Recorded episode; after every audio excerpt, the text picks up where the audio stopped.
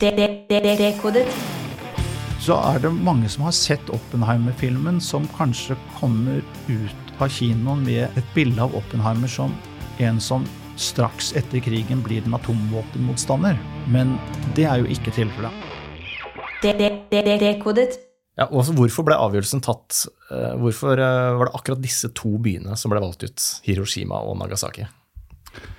Man hadde en egen komité bestående av noen atomfysikere og flere militære og noen eh, politikere som eh, identifiserte de mest aktuelle, eh, mest egnede bombemålene for bruken av atombomben. Så de satte opp en liste på en, kanskje ti japanske byer som de la fram i et møte med krigsministeren Henry Stimson. Øverst på den listen så sto den gamle keiserbyen Kyoto. Eh, Den hadde egentlig ikke noen militærverdi, men den hadde en veldig kultur- og historisk verdi, eh, symbolsk verdi for japanske folk. Så Stimson, som var en, en klok mann, han sa at stryk den. Det er uaktuelt. Det kan vi ikke gjøre. Og da mener jeg at faktisk at Hiroshima sto som nummer to. Okay. Uh, Nagasaki sto ikke som nummer tre. Eh, det var en annen by, eh, Kokura, som skulle vært mål for den andre bomben. Uh, Kommer tilbake til det om litt hvorfor det ikke da skjer. Eh, men Hiroshima har en del store industrianlegg som er knyttet til produksjon av militært materiell, bl.a. Mitsubishi-fabrikker. Men i hovedsak er det en by med en stor sivilbefolkning. Ja, for er det også et poeng her at det er mange sivile? At det, er et poeng å faktisk eh, gjøre stor skade, da? Tror du? Ja, så det er, det er veldig klart et poeng å gjøre stor skade. Eh, hvis man hadde kunnet gjøre den skaden et sted hvor det var bare arbeidere innenfor militærindustri, så hadde man sikkert gjerne, Ja, okay. like gjerne gjort det, eller heller gjort det. Eh, men det er altså slik at de fleste av disse militære anleggene de, som, er, som er knyttet til storbyer, de er jo omgitt av en sivilbefolkning. eh, Og omgitt av sivil eh, økonomisk virksomhet og infrastruktur. Og så hadde man vært opptatt av at dette skulle være byer som ikke var bombet fra før. I noe særlig nevneverdig grad, sånn at man virkelig kunne se hva slags skade denne bomben eh, medførte. Eh, og det begrenset jo antall byer veldig, fordi at Japan var, hadde Allerede vært gjenstand og sønder og sammen nesten.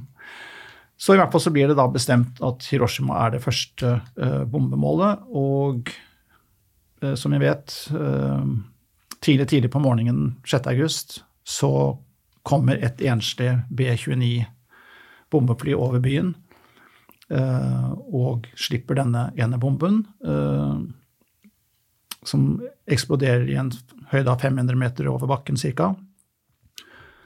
Og da kommer det først et lysglimt, og så kommer det en varmebølge, og så kommer det en fysisk sjokkbølge Ja. som eh, jo river alt over ende, som ikke allerede er satt i gang i brann. For du sa i forrige episode at det er to typer bomber, en plutoniumbombe og en som er basert på uran. Den som ble sluppet over Hiroshima, eh, Det er, eh, det er uranbomben, uranbomben. som man altså ikke har sett noen grunn til å teste. Man var så trygg på at den kom til å virke. Og det Den hadde- viste seg å stemme. Det viste seg å stemme. Og den drepte flere innbyggere enn den bomben som ble sluppet over Nagasaki eh, tre dager senere. Så disse tallene varierer litt, men sist jeg sjekket opp, så var anslaget 140 000 døde i Hiroshima. Mm. Ca. 50-50 de som dør momentant, og de som dør av senskader. Altså de neste timer, dager, Ja, det er om måneder. Ja, ikke sant. av enten av brannskader, men også i veldig stor grad av strålesyke Okay. etter den radioaktive strålingen Ja. de ble utsatt for. Um, og i Nagasaki tre dager senere så slipper man altså en tvillingbombe til den bomben man hadde testet. Ja. Da var det et skydekke over store deler av Nagasaki, så piloten eh, Major Sweeney het han. Eh, bommet på målet med en kilometer eller noe sånt nå. Mm. Så det gjorde antagelig at dødeligheten ble litt mindre i Nagasaki. ja. enn, eh, det var en av grunnene. Og det andre For bomben grunnen- er i utgangspunktet kraftigere, plutoniumbomben, enn uh... den, den var faktisk betydelig kraftigere. Ja. Uh, Den hadde en sprengeffekt på ca. 21 000 tonn TNT, mens den bomben som ble sluppet over Hiroshima, hadde en sprengeffekt på 12 000 14 000 kilo TNT. Eh, Men drepte altså flere mennesker. Og det har til dels å gjøre med at den traff eksploderte på en måte i sentrum, Ja, midt i byen. byen. midt i byen. Uh, og så er det noe med terrenget som er litt forskjellig. I Nagasaki så lå den med en sånn fjellside på den ene siden, og det gjorde at trykk og alt mulig ble annerledes. Uh, men naturligvis enorme katastrofer begge steder. Fy søren. Hvor mange døde i Nagasaki? Nagasaki? Nagasaki eh, anslagsvis 80 000, og igjen fordelt ca. 50-50 på momentant Momentant døde. Da. Altså, En ting er at Oppenheimer har mange liv på samvittigheten, kan man kanskje si, men eh, hva med disse pilotene som Hvem var disse pilotene som eh, fløy disse flyene og slapp disse bombene? Var det unge gutter, var det ikke det? Ja, altså disse her er jo ganske høyt eh, stående militære, henholdsvis en major Sweeney, og så er det han uh, oberst eh, eh, Skal vi se hva het nå han igjen, da? Uh, ja, Tibbets. Paul Tibbets. Som fløy uh, det første bombeflyet over, over Hiroshima. Enola Gay, som den, den var døpt. Så dette er vel piloter i slutten av 20- eller begynnelsen av eh, 30-årene, kanskje. Ok. Var de klar over hva de var med på, de? Tror du? jo, de hadde fått Ja. opplæring. Det det var ganske krevende for dem å lære seg å fly med denne ene store, tunge bomben og skulle slippe Ja. den riktig og sånn, så de, de måtte trene ganske mye med sånne dummybomber for å få det til. Um, Men tror du de var bevisst på implikasjonen av det de var med Nei, på? det tror jeg ikke. De hadde, de, og de hadde jo vært Dette var erfarne bomber, de, bombeflyere. De, hadde nok, de var nok eldre enn det jeg antydet, okay, ja. Eh, så de hadde vært med på mye. Og eh, jeg tror ikke det spilte der og da så så stor rolle for dem om de slapp 1000 brannbomber over Nei. Tokyo, eller slapp denne ene bomben Det er krig. her. Det er, det er krig, og det, der nede på bakken blir det ødeleggelse uansett. Ja. men eh, de kan jo ha hatt ting å tenke på i ettertid, som så mange andre som var Mm. involvert i disse operasjonene. Noen taklet det greit, i den forstand at ikke de angret eller var så plaget av dårlig samvittighet, mens andre faktisk hadde betydelige personlige problemer og Ja. moralske kvaler i etterkant. Nettopp. Shit. Ok, så rundt 80 000 døde i Nagasaki, 130 i Hiroshima. eh, Ja, 140 kanskje. 140 rundt der. Halvparten døde momentant, eh, den andre halvparten etter timer, uker pga. strålesyke og brannskader og sånne ting. Det er jo helt, eh, det er nesten ufattelig å se Mm. Ja det for seg. det er, Men, det er det.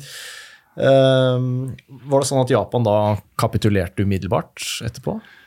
Altså etter Hiroshima-bomben så kom det ingen signaler om kapitulasjon fra Japan.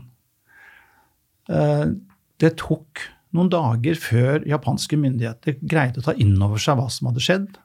Det er klart, Ødeleggelsene var så enorme i Hiroshima at det var ikke lett å få formidlet til omverdenen hva som hadde skjedd. For all kommunikasjonsutstyr og alt sånt var jo brutt sammen. Så myndighetene i Tokyo sendte etter hvert en delegasjon dit for å liksom prøve å forstå hva dette var. Um, og det har vært en av de kanskje tyngste innvendingene i kritikken mot bruken av bombene eh, mot Japan, at bombe nummer to kom for tidlig. Okay. Den skulle en, enten ikke vært brukt i det hele tatt, Mm. Og man skulle i hvert fall ha ventet sånn at japanske myndigheter hadde hatt tid til å- til å ja. forstå hva det dreide seg om. Eh, For det hadde de ikke forstått eh, da den andre bomben kom tre dager senere. Men da gikk det veldig fort. Så da, da var det jo bare snakk om noen dager før de eh, kapitulerte. Det var 15. eller 16. august. Mm. Et viktig punkt som hadde skapt mye motstand innenfor den japanske ledelsen mot å kapitulere, det var de alliertes krav om at keiseren måtte gå av. De krevde altså en, kap, en betingelsesløs kapitulasjon, Ja. på samme måte som tyskerne hadde måttet gjøre. Eh, Og innbakt i det så krevde man at man skulle forandre styresett, konstitusjon, og at keiseren skulle avsettes. Og det siste satt enormt langt inne hos de fleste japanere. Eh, Men i siste omgang her så gir de allierte, eller amerikanerne, da, etter og sier greit, Keiseren. betingelsesløs kapitulasjon, men dere kan beholde keiseren. Ja. Og da kapitulerer det eh, omgående, så å si. Så hadde amerikanerne sagt dette sommeren 1945, i, i slutten av juli, så kan det hende at de hadde kapitulert uten at man hadde Oi. trengt å altså, Dette vet vi jo ikke. Dette det blir en spekulasjon. men Men, det er en interessant Ja. spekulasjon. Um, så det er god grunn til å være veldig kritisk til den beslutningen som ble tatt om Mm. at bombe nummer to skulle komme så raskt. Og det var ikke en politisk beslutning. For Truman hadde egentlig bare gitt en fullmakt til å bruke det antall De bomber som som var nødvendig. Mm. På det tidspunkt hadde man ikke mer enn to, så det ville blitt et opphold i bombing uansett. Um, Men dette var altså en ren militær beslutning å, å bruke bombe nummer to allerede etter tre dager. Eh, Og da kom Truman på banen, da han fikk beskjed om Nagasaki-bombingen, og fikk også tok inn over seg omfanget av ødeleggelsene, og særlig da antall drepte sivile, så ga han en ordre om at ingen nye atombomber skal brukes før jeg har gitt ordre om det. Okay, ja. Så da tok han i hvert fall grep i forhold til det. Det var kanskje noe med å se bildene, jeg vet ikke. Eller er det, er det footage av det? Det det ble, ble det filmet? Det ble filmet fra flyene. Det var jo et følgefly som tok bilder fra luften. Ja. Eh, Men da ser man jo bare Soppskyen. soppskyen som stiger opp. Eh, Så det er jo ikke noen fotografier av selve bombingen fra Nei. bakken, er bekjent, men det er masse bilder etter hvert av Mm. ødeleggelsene. Ja. Uh, Og etter at de kapitulerte, så sendte jo amerikanerne uh, militære fotografer inn for å Dokumentere, Dokumentere. skadene. mm.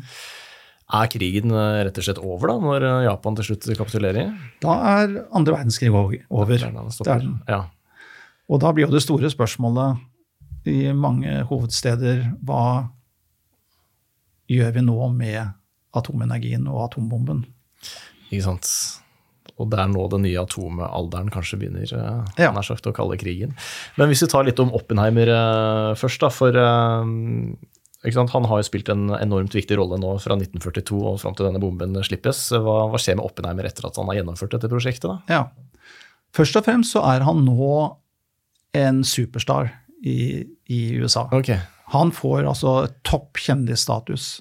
Hans portrett er på forsiden av Time Magazine, Life Magazine, Physics Today. Eh, Denne karakteristiske hatten Ja, som han gikk med, den, eh, den ser man også på en rekke forsider. Mm. Alle skjønner at dreier, da dreier dette seg om Oppenheimer. Det har eh, blitt et veldig kjent, uh, lett gjenkjennelig tegn på ham.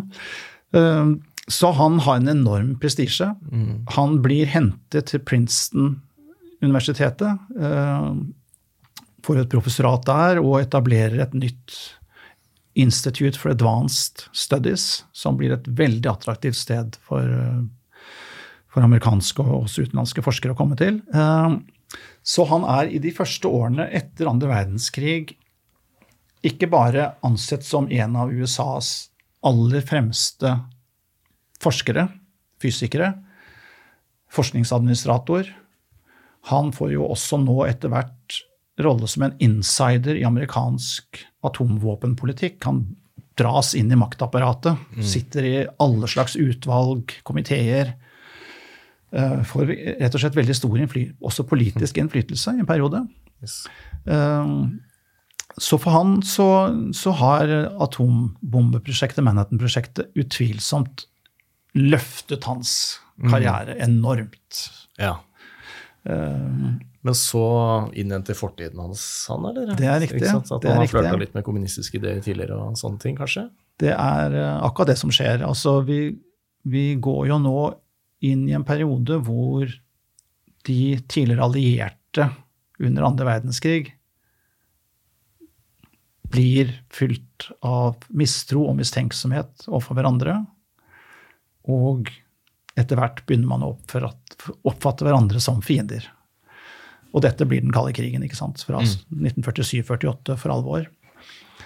Um, og da er det folk som begynner å ane forrædere overalt, særlig innenfor statsadministrasjonen. Vi får mekartismen, ikke sant, som driver en heksejakt på kommunister. Virkelige og fiktive kommunister. Mm. Uh, og det er da etter hvert også sånn at Oppenheimer kommer i søkelyset for FBI. Det finnes visstnok mer enn 10 000 sider i hans mappe i FBI. Så han er blitt avlyttet og overvåket ja. i mange mange år allerede. Det startet jo før krigen, men nå tas det etter hvert opp igjen. Uh, og så er det én konkret sak som uh, blir utløsende her. Uh, da er vi kommet til året 1949, høsten 1949.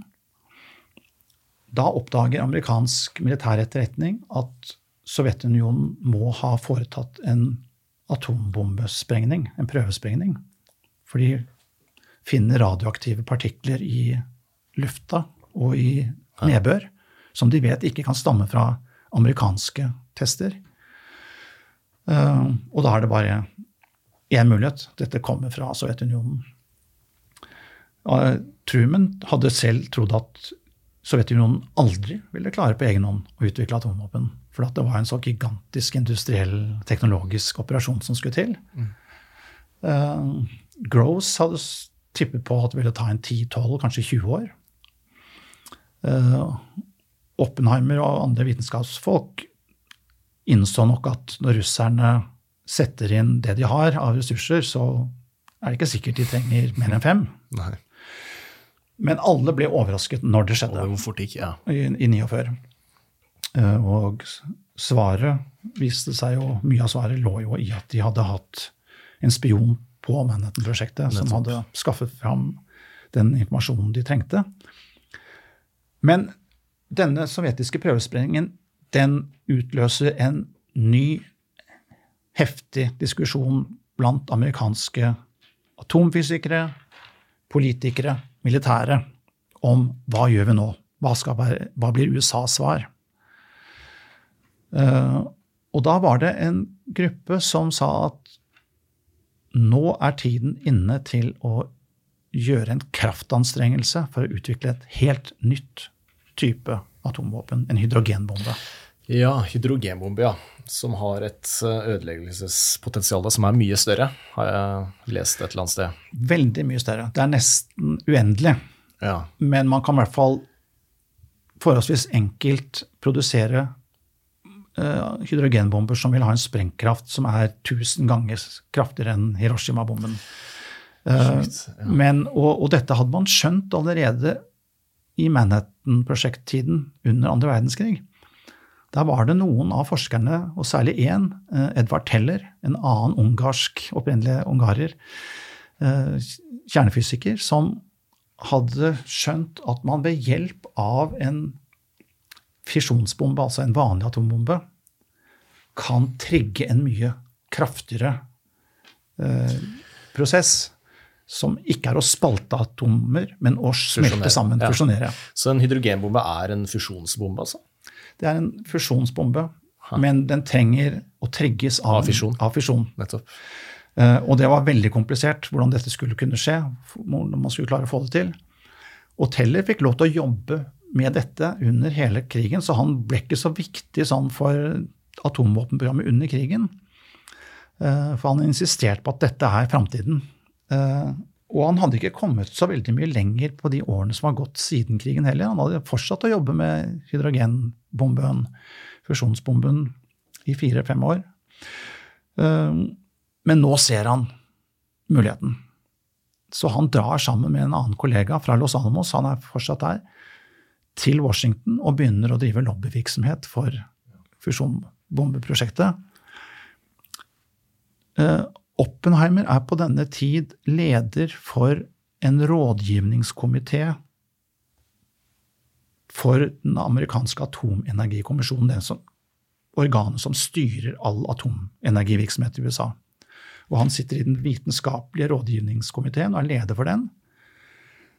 Og Atomenergibyrået henvender seg nå til denne ekspertkomiteen og ber om råd. Hva skal vi gjøre? Skal vi utvikle det de kalte the super? Mm. Ja. Eller skal vi fortsette på det sporet vi er? Og denne kommisjonen kom til at vi skal ikke starte et slikt crash program, som de kalte det, med tanke på å få utviklet en superbombe. Og det var flere argumenter som gjorde at Oppenheimer og hans kolleger trakk den konklusjonen. For det første, sa de, så vet vi ikke om dette kommer til å funke. Nå har Teller holdt på med dette her i mm. mange år, og vi ser ennå ikke noen klar løsning. De løsningene vi har diskutert til nå, vil kreve en bombe som er så stor i fysiske dimensjoner, man trengte noen voldsvære fryseanlegg og sånt noe, at den vil være praktisk ubrukbar som bombe. Ja. Den må nesten kjøres til målet med en oksekjerre, sa Oppenheimer eh, ironisk. Og for det tredje så ville det kreve veldig store ressurser, som da kom til å gå på bekostning av de veldig lovende andre utviklingsprogrammene man holdt på med. For det var to ting man hadde drevet med eh, i USA etter andre verdenskrig. Det ene var å forbedre Eh, de våpnene man hadde utviklet. Altså man, man, ble, man, droppet denne uranbomben ganske fort. Men man eh, finutviklet uh, plutoniumsbomben sånn at den ble mer pålitelig og mer effektfull. Uh, og så utviklet man også fra 48-49 mye kraftigere fisjonsbomber. Helt opp til 500 000 kilotonn vesentlig sterkere, kraftigere enn de som ble brukt mot Japan.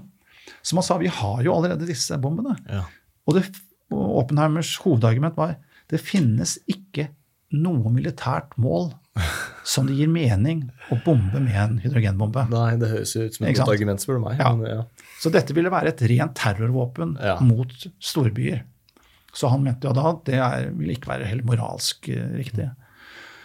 Så denne kommisjonen hadde en enstemmig innstilling på det. Og Truman falt liksom ned på at ok, da kan vi, vi gjør litt mer, kanskje, men vi setter ikke i gang dette voldsomme, okay. ambisiøse programmet. Men da er det altså at eh, Og også litt fordi at man sa at vi har jo monopol på atomvåpen. Russerne er jo årevis bak oss, så dette er ikke noe hastverk. Og så kommer i januar 1950, eh, akkurat på den tiden hvor denne rådgivergruppa til Oppenheimer har kommet med sin innstilling om at man ikke skal utvikle superbomben, så kommer denne sjokknyheten fra Storbritannia om at Claes Fuchs er arrestert. Og implikasjonen er jo klar for alle. Han har informert russerne om alt han har visst. Altså er de bare kort vei unna også å utvikle en hydrogenbombe. Ja. For han hadde også innsikt i Tellers arbeid med hydrogenbomben. Så da var det vanskelig å argumentere mot på en måte som overbeviste president Truman. Ja. Så han skar da veldig raskt gjennom og gikk offentlig ut og sa at vi kommer nå til å sette okay. alle våre ressurser inn på å utvikle eh, okay, en ny så... generasjon kjernevåpen. Altså implisitt en hydrogenbombe. Ja. ja. Så betyr det at de, eh, de kjernevåpnene vi har i dag, det er hydrogenkjernevåpen? basert på hydrogenteknologi? Veldig mange av dagens yes. kjernevåpen ja. er hydrogenvåpen. Haha. Så det var her dette våpenkappløpet om vi skal kalle det det, starta, da, med Sovjet og USA? Det starter for alvor etter at Sovjetunionen har testet sin første bombe. Ikke sant, ja. Så er det mange som har sett Oppenheimer-filmen, som kanskje kommer ut av kinoen med en et bilde av Oppenheimer som en som straks etter krigen blir en atomvåpenmotstander. Men det er jo ikke tilfellet. Han jobber innenfor establishment ikke sant? I, i mange år ennå. og er med på å diskutere videreutvikling av atomvåpenet. Eh, og hans kjepphest, det var å utvikle mindre atomvåpen, altså det vi da kaller taktiske atomvåpen, som kan brukes mer på slagmarken i strid mot rent militære mål. Eh, og det hadde sammenheng med at Koreakrigen bryter ut og sånn, at man igjen fikk en, en eh, blodig, varm krig eh, hvor amerikanske soldater ble drept. Så han argumenterte for vi trenger ikke superbomben, men vi trenger minibomben. Ja. Så det var ikke det at han var mot atomvåpen. Nei. Og han sa aldri at han angret på å ha vært med å utvikle atombomben. Han gjorde ikke det, nei. Nei, For gjorde han hadde, tro, hadde han noen samvittighetskvaler etter Hiroshima og Nagasaki? Ja, det, det hadde han. Ja. Uh, han pleide å si i ettertid at den første tanke som gikk gjennom hodet mitt da jeg var vitne til denne Trinity-testen i ørkenen i New Mexico i juli 1945, var et sitat fra et av de hinduistiske religiøse eh, skriftene, Gita. Um, I am become death, the destroyer of worlds. Nettopp. Det er jo veldig poetisk, da. Tilbake til at han var interessert i poesi og sånne ting som barn. ja. Absolutt. Uh, og Kan det være noe han fant på for å liksom ja, jeg, jeg har sett at et par av eh, biografene hans sier at det er ingenting som tyder på at han sa Nei. det da, i hvert fall. Han, han kan jo ha tenkt det, men Ja. han sa det ikke. Nei. For det han sa, det første han sa, var det til broren sin, Frank, som også var vitne til prøvesprengningen sammen med, med Robert, var It works. It works, rett og slett. ja. Så det var ikke like poetisk. Nei, men det passa kanskje bedre i øyeblikket. Ja. Uh, fascinerende, men uh, Okay, når dette våpenkappløpet mellom Sovjet og USA starter, uh, hvordan, hvordan går det med Oppenheimer videre herfra ut? da? Uh, Ja, det er nå han begynner å få alvorlige problemer. Eh, Fordi at han, ikke minst antagelig fordi at han engasjerte seg mot superbombeprogrammet, så får han fiender. Han får en fiende i uh, den nye lederen for atomenergibyrået, som heter Louis Strauss. Han figurerer sentralt i Oppenheimer-filmen. Han legger Oppenheimer for hat.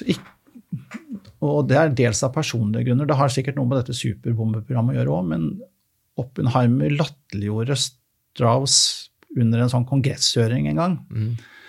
Eh, Det dreide seg om mulig eksport av noen radioaktive isotoper til Norge, til Forsvarets forskningsinstitutt Aha. på Kjeller.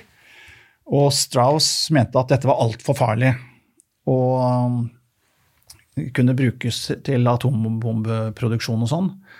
Og så ble Oppenheimer innkalt som ekspertvitne for denne kongresskomiteen og fikk da spørsmål er dette farlig, kan det brukes til, um, til uh, i et atombombeprosjekt? Uh, Og, til, og så sa, svarte Oppenheimer at ja, det kan jo det, men også en flaske øl kan brukes i et Ja. Også- Ja, sant? Sånn sarkastisk, Alt kan brukes, Ja, kanskje, men det har bare ikke noen betydning. Nei. Eh, så, Glad i å terge. Litt sånn der, så der satt denne Strauss og hørte at eh, senatorene begynte å le og følte seg driti ut. Så han likte ikke Oppenheimer, og nå begynte det også å komme da nye rapporter fra FBI. De hadde gått tilbake og sett på ting de hadde snappet opp tidligere, og de hadde innkalt Oppenheimer til ulike avhør. Han hadde forklart seg på en måte i noen saker som ikke virket helt troverdig. Eh, Så det kom etter hvert et forslag om at man burde vurdere å frata ham hans sikkerhetsklarering, Ja. som man jo trenger for å jobbe med topphemmelige Ja, ja. saker sant, i ethvert land. Og eh, Strauss grep nok denne muligheten begjærlig og innkalte eh, Oppenheimer til det de kalte security hearings. Og da var det noen eksperter som skulle få stille han spørsmål, og eh, så skulle de etterpå konkludere med om han fortsatt kunne eh, få beholde sikkerhetsklareringen, eller om den skulle fratas han. Og han var i tvil om hva han skulle gjøre. Han, han trengte ikke å møtte opp på disse høringene. Han kunne jo bare sagt at ok, hvis ikke dere stoler på meg, så bare ta fra meg den sikkerhetsklæringen, så går jeg tilbake og blir fulltidsprofessor. Mm. Eh, Han rådførte seg med Einstein, som var kollega av han nå på Princeton. Og Einstein sa ja, men du trenger ikke å være med på dette her, Robert. Bare gå, gå din vei. Mm. Du fortjener ikke å bli behandlet på den måten. Men Oppenheimer sa at nei, jeg er nødt til å få renvaske meg. Og, og da han gikk ut av kontoret, så skal Einstein ha sagt til sekretæren sin at der går en narr. Han syntes Oppenheimer Aha. stilte seg utrolig dumt i den situasjonen. At han ikke forsto at nå Ja. utfordrer du mektige krefter, så han bestemte seg for å ta deg. Ikke sant. Og det er det som skjer. Eh, Så han må oppholde seg noen uker i Washington og møte for denne, denne eh, høringskommisjonen. Og han svarer ikke alltid så godt for seg. Han vikler seg inn i noen, eh, antagelig noen halvsannheter. Eh, Og, andre ganger så må han bare innrømme at han oppførte seg som en idiot. Han hadde bl.a. i tiden i Los Alamos under krigen reist på en tur til California, og der hadde han oppsøkt en kjæreste han hadde før han traff sin daværende kone, som også da oppholdt seg i Los Alamos. Eh, og han hadde overnattet hos henne. Eh, hva som skjedde på den romantiske siden, det vet vi ikke noe om, men, er- men eh, problemet her, hovedproblemet var at denne kvinnen var tidligere medlem av kommunistpartiet, eller kanskje til og med fortsatt medlem av kommunistpartiet. Ja. Sånn at uh, i tillegg til en mulig utroskapssak, som jo ikke skulle kunne brukes nødvendigvis mot ham i i forhold til sikkerhetsklareringen, selv om det ikke er av de tingene sikkerhetsmyndigheter liker, eh, så hadde han jo også kanskje da risikert noe ved at han var alene med henne. Ja. Eh, og, og her hadde han jo ikke noen gode forklaringer og noen gode argumenter for å forsvare seg. Så det var noen, noen sånne saker. Han hadde også vært, prøvd å beskytte en kommunistisk venn som var kommet i søkelyset til FBI, og ikke gitt eh, FBI den informasjonen han kunne ha gitt dem, sånn at de kunne ha kommet på sporet av han tidligere. Så dette var ikke så bra for ham. og du kan si Det var tre spørsmål de skulle ta stilling til. Det ene var hans lojalitet overfor USA. Mm. Um, og det andre var um, hans uh, karakter, altså hans Yes, personlige karakter, Ja, for det er en sånn character you'. Uh, og det tredje var hans nettverk og forbindelser. Ja. Og de konkluderte med at han sannsynligvis alltid hadde vært og var lojal mot USA. Um, men det ble stilt spørsmålstegn rundt hans karakter. Uh, var han alltid sannferdig? Ja. Um, og så ble det ikke minst uh, satt et varsko rundt hans uh, forbindelser. Mm. Fordi det var så tydelig at han, han hadde mange ja, både Venner. tidligere og også nå. Ja. ja. Så resultatet ble at han ble fratatt sikkerhetsklareringen, og da var han ferdig som insider i, og, og kunne etter det ikke spille noen eh, vesentlig rolle i amerikansk, eh, utformingen av amerikansk atompolitikk. Yes. Begynte stjernestatusen hans å falme også blant eh, befolkningen generelt da, eller var det mer at han mista status i Altså, den, den falt helt sikkert også hos folk generelt. eh, Men selv om han var kjent, så er det klart at vitenskapsmenn er ikke det folk flest er mest opptatt av. Så, så hvor, hvor brutalt og dypt det fallet var hos amerikanere flest, er kanskje litt mer usikkert. Men at han var en synkende stjerne innenfor forskningsmiljøet, er helt klart. Um, og fikk problemer med å få like kanskje mye studenter og like mye økonomisk støtte til sin forskning og sånn. Han hadde vel noe støtte blant kolleger òg, vil jeg anta? Så, Ja da, altså det miljøet var delt i høyeste Ja. grad, og han hadde absolutt mange som var helt 100% lojale mot ham og uh, syntes at dette var helt eh, skammelig. Men det endte i hvert fall da med at han i et par år trakk seg litt unna offentlighetens søkelys. Eh, han kjøpte seg et feriested, en, en hytte i strandkanten på en av Jomfruøyene, St. John, hvor han oppholdt seg mye. Ja.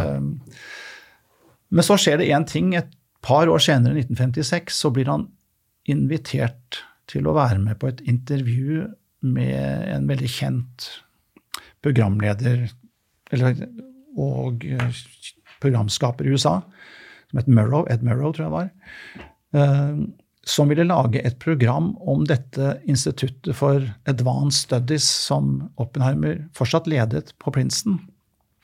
Og Tanken var at man skulle dra opp dit og intervjue en rekke av forskerne og få dem til å snakke om sine mest spennende prosjekter. Eh, og gi dermed et amerikansk TV-publikum litt innblikk i hva de, de, de skarpeste hjernene i landet eh, syslet med. Så kom de tilbake fra Princeton, eh, og da sier han Merrow at jeg har bare ett intervju som det går an å vise, men det er til gjengjeld knakende godt, og det er med Oppenheimer. De ja. andre kom det ikke noe særlig ut av. Og de mumlet og ja. greide ikke å forklare dette på en forståelig måte. Så de sendte et langt program, om det var en time eller to, jeg husker jeg ikke farten, men et langt, grundig nærportrett av Oppenheimer som virkelig traff amerikanerne hjemme. Så da fikk han veldig mye av den gamle statusen igjen. Han ble oppfattet okay, ja. som en fantastisk spennende, reflektert, uh, unik ja. uh, Talefør og karismatisk. Så, ja. ja.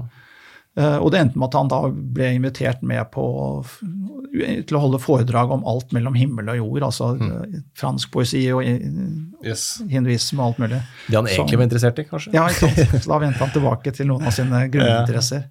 Så sånn sett kom han seg opp på den veldige bølgedalen som han var nede i ja. etter at han var blitt fratatt sikkerhetsklareringen. Men han ble jo aldri igjen en insider i det politiske Nei. miljøet. Og så fikk han en slags oppreisning tidlig på 1960-tallet. Da ble han tildelt en sånn ærespris okay. av president Johnson. Ja. Og i 2022 så bestemte de amerikanske myndighetene seg faktisk for å omgjøre denne kjennelsen som kom i 1954 om at han kunne være en sikkerhetsrisiko. Mm. Så de gikk tilbake til den gamle saken okay. og sa at det, det, var en feil ja. Eh, kjennelse. Herregud. Så han fikk en slags siste æresbevisning ja. eller oppreisning da. Da hadde han jo vært død veldig lenge, så eh, han hadde ikke selv personen noe glede av det. Men det var rettet kanskje opp en historisk feil. Ja, ikke sant. Ja. Shit.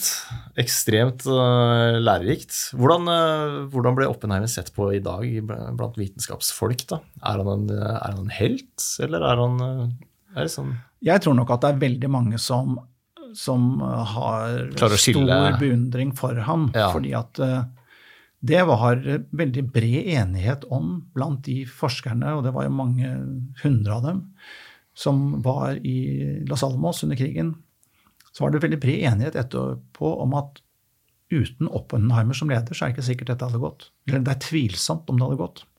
Fordi han viste at han hadde en del unike egenskaper som var liksom som skreddersydde for mm. de utfordringene man sto overfor.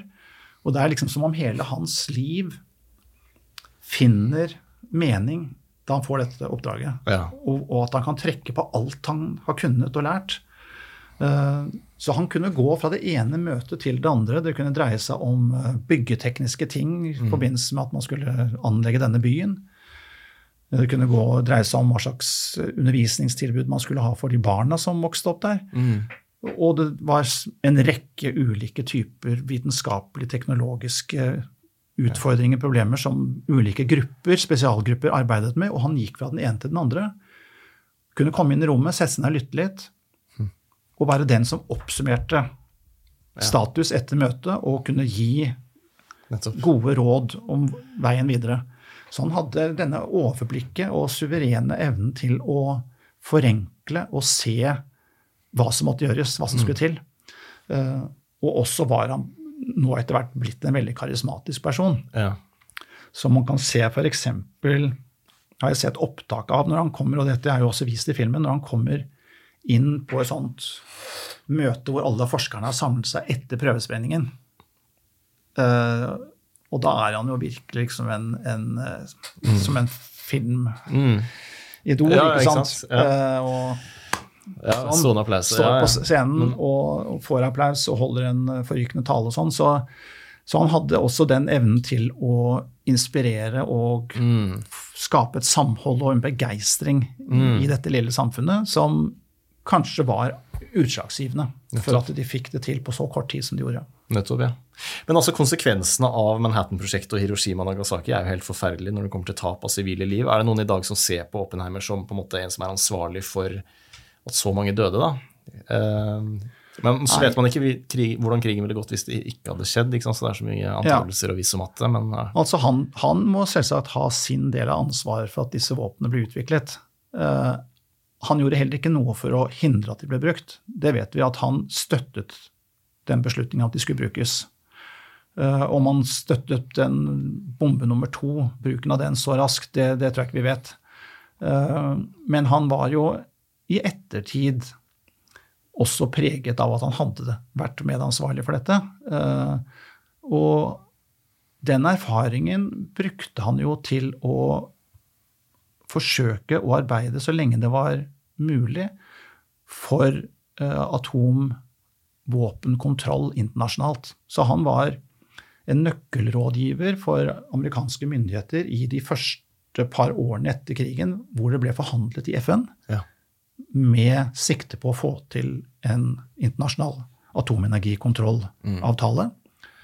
Den skulle gå ut på at FN, eller et internasjonalt byrå opprettet av FN, skulle eie alle forekomster av uran i verden og kontrollere det. Ingen land skulle på egen hånd kunne begynne å utvikle og anrike uran. Eh, Og så skulle alle land som hadde utviklet atomvåpen, gi fra seg disse våpnene. Enten så skulle de bare avvikles, eller så skulle FN ha kontroll over dem. Okay. At det var liksom fellesskapet. Eh, og Oppenheimer satt i en komité som utviklet den første planen for dette i amerikansk regi. Den planen ble aldri lagt fram for FN fordi at han som skulle være den toppdiplomaten på amerikansk side som presenterte dette i FN, nektet å legge fram dette forslaget. Han syntes det var for imøtekommende for russeren og for russerne. Så han insisterte på at USA skal beholde sitt monopol til dette internasjonale kontrollapparatet er på plass, sånn at vi kan være sikre på at ikke vi blir lurt. Mens Sovjetunionen naturlig nok krevde at vi må begynne med at USA gir fra seg sine atomvåpen. Ja, så kan vi begynne å diskutere kontrolltiltak. ja. Så der har vi det. ikke sant? Ikke sant? Uh, Så det, det forsøket rant ut i sanden. Uh, Men Oppenheimer fortsatte jo da mer også å, å argumentere for at man burde prøve å få kontroll på Ja. Så det var nok den viktigste konsekvens for ham av erfaringene fra Manhattan-prosjektet. Nettopp. Shit, lærerikt. Jeg vet hva, jeg fikk lyst til å se den Oppenheimer på nytt. igjen, da. For nå har de Ja, bakgrunnshuset. så jeg tror jeg får mer ut av den nå. Men uh, hva syns du om filmen, forresten? Jeg likte den veldig godt. Ja. Eh, Jeg har også lyst til å se den en gang til, Ja. eh, for det var mye der som Er det noe eh, faktafeil, du som kan det her, eller er det Nei, jeg kan ikke si at det, at det var noe påfallende faktafeil. Jeg har lest et sted at det amerikanske flagget som hang i bakgrunnen på en av scenene, Ja, hadde for mange Ja, stjerner. det er akkurat det. Det har jeg lest også. Men bortsett fra det, så, så tror jeg de har Ja. gjort en veldig god research. Og de har bygget på den mest solide biografien om Oppenheimer Som heter av Sherwin og Bird. Den heter eh, American Prometheus. Ja. Da kan vi jo anbefale den hvis noen er interessert i å kan dykke ned i den. Hjertelig tusen takk for praten. Takk for meg. Det- det- det- det- Dekodet.